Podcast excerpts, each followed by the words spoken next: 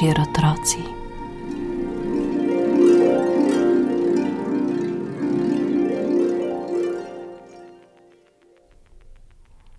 Nekoč je živel slikar. Hodil je po svetu in slikal ljudi. Imel ni ne doma, ne družine, ne denarja, ne slave. Vse, kar je imel, so bile barvice in čopič. Ko je nekoč tako potoval po cestah in vaseh, je srečal dekle, ki je sedelo na robu njive in britko jokalo. Zakaj jokaš? jo je vprašal slikar. Kako ne bi jokala? je odgovorila deklica. Poglej me, dan na dan delam na carjevih njivah.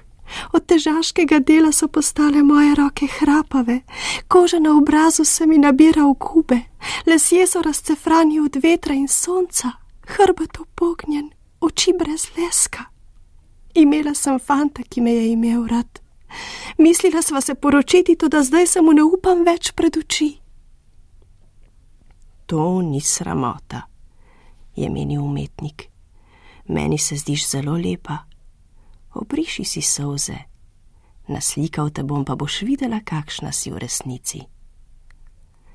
Deklica si je obrisala solze, slikar pa je segel po čopiču, ga pomočil barve in začel risati po platnu. Zdaj poglej, kakšna si, ji je rekel, ko je končal.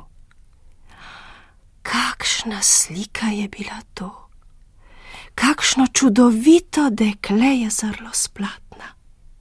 Njene roke so bile bele, koža nežna, lasje kot svila, oči pa so izsijale kot zvezde na večernem nebu.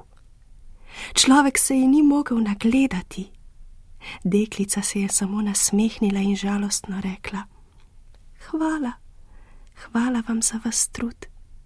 Vidim, da imate dobro srce. Samo to nisem jaz, ampak kdo ve, katero dekle. Niti podobna ji nisem. Kako pa veš, kakšna si? se je uporil slikar. Moj posel je, da opazujem ljudi in jih narišem takšne, kakršni so, ne pa tvoj umetnik sem in nikoli ne slikam tistega, kar ni res. Vzemi svojo sliko in si zapomni, da si takšna, kakršno sem te naslikal. Umetnik je pospravil čopič in barvice, se poslovil od deklice in šel naprej po svoji poti. Deklica je prislonila portret k skali in si rekla: Le kako so se mogle zdeti slikarju moje roke tako bele? obraz brez gub, oči bleščeče in sta svitek. Moje roke so vendar grobe, obraz zguban, oči brez leska.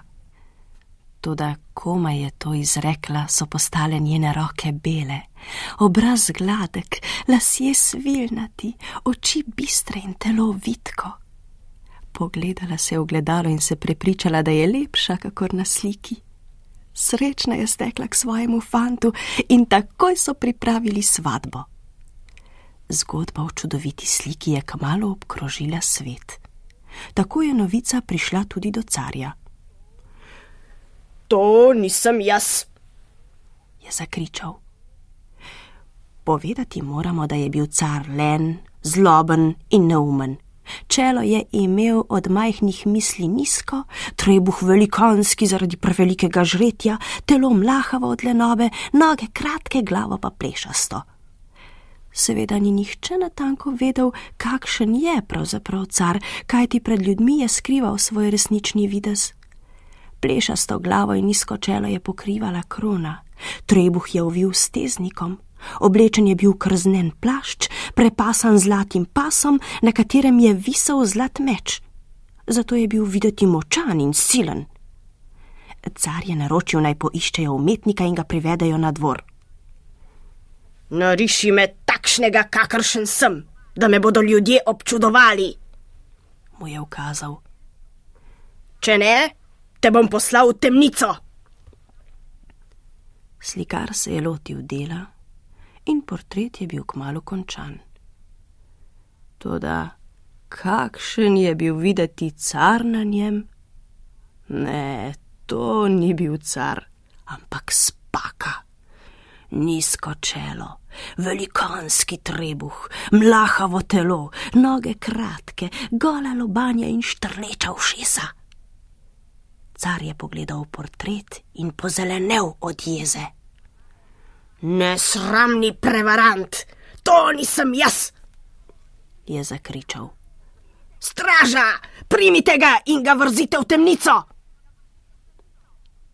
Stražarji so planili na slikarja. Prav tedaj pa je car padal in krona se mu je skotalila z glave, meč se mu je odpel, plašč zdrsnil z ramen. Pokazali so se carjevo nizko čelo, gladka lobanja, velikanski trebuh, mlahavo telo in kratke noge. Ljudje so videli, kakšen je njihov car v resnici. Pograbili so vile in gorjače ter ga pognali iz dežele. Pa slikar? Kaj naj bi bilo z umetnikom? Umetnik je svoboden človek. Neopazno se je umaknil in šel naprej po svoji poti. Pravijo, da še dan današnji potuje po svetu in riše ljudi, takšne, kakršni so v resnici. Bi ga radi srečali tudi vi? Če hitro zaprete oči, vam bo morda prišel naproti po kakšni sanski stazi. Lahko noč, otroci.